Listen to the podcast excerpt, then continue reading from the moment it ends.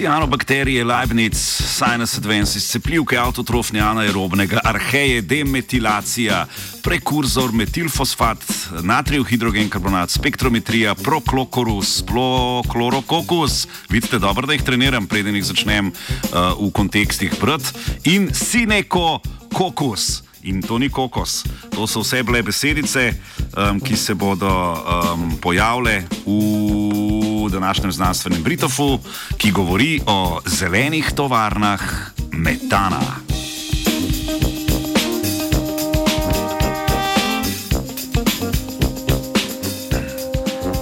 Današnje ponedeljkovo jutro posvečamo majhnim zelenim tovarnam kisika, cianobakterijam.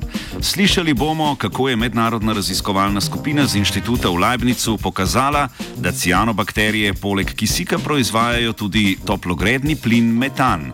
Študija je bila objavljena v reviji Science Advances.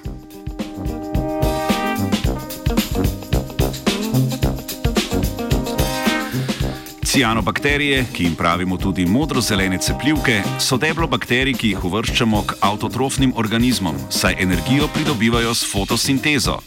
Pomembno vlogo so odigrale pri oksigenaciji našega ozračja. Te bakterije najdemo v različnih življenjskih okoljih, v vodah pa so običajno glavni krivec za pojav cvetenja voda.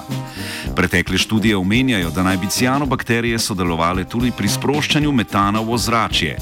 Primarne proizvajalke metana so sicer metanogene arheje, ki so tako kot cianobakterije ene izmed najstarejših organizmov na Zemlji.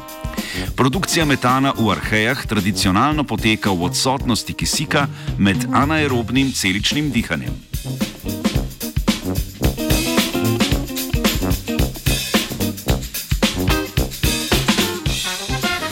V zadnjih desetletjih je bilo objavljenih več raziskav, ki kažejo, da metana ne proizvajajo le arheje v odsotnosti kisika.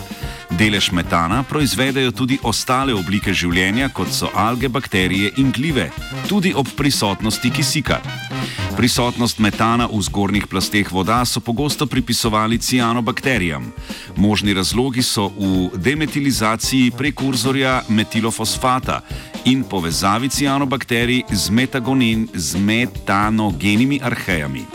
Raziskovalna skupina pa je natančneje preverila, ali cianobakterije proizvajajo metan tudi brez prisotnih prekurzorjev v okolju in neodvisno od metanogenih arhej.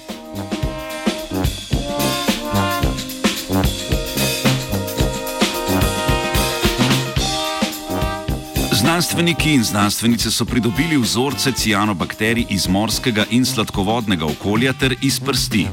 Inkubacija cianobakterij je potekala nekaj dni v sterilnih pogojih na ustrezni temperaturi. Kot vir oglika so imele na voljo natrijev hidrogenkarbonat, ki je bil označen z oglikovim izotopom C13. Z metodo masne spektrometrije so merili nastajajoč metan.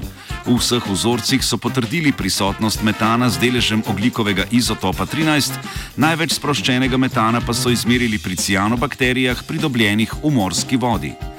Dve vrsti cianobakterij, ki naj bi bili največji proizvajalki metana v zgornjih plasteh morja, sta Prochlorococcus in Sinecococcus.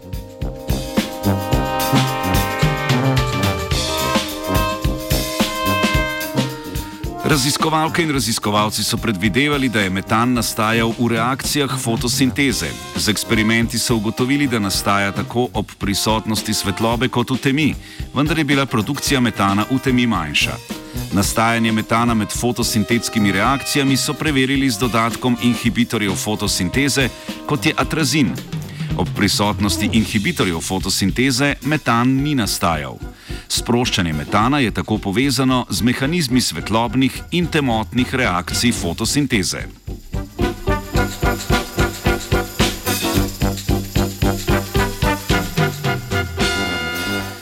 Ugotovitev, da lahko cianobakterije uvrstimo k proizvajalcem metana, postavlja izhodišče za nadaljne raziskave. Delež, ki ga cianobakterije prispevajo k svetovno nastalemu metanu, je zaenkrat težko določiti, saj nimamo podatkov o celotni biomasi cianobakterij, ki bi upoštevali tudi pojav cvetenja morja in prisotnost cianobakterij pod zamrznenimi jezeri.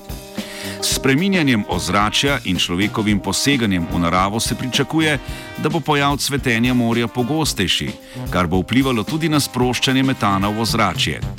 Cianobakterije so tako nezanemrljiv vir metana v naravi. Prvi korak v nadaljem raziskovanju pa je vsekakor preučevanje mehanizma v cianobakterijah, ki jim omogoča produkcijo metana.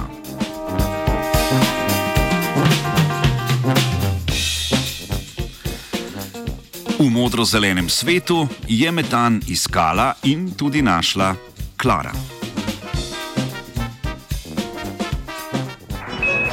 Three, two,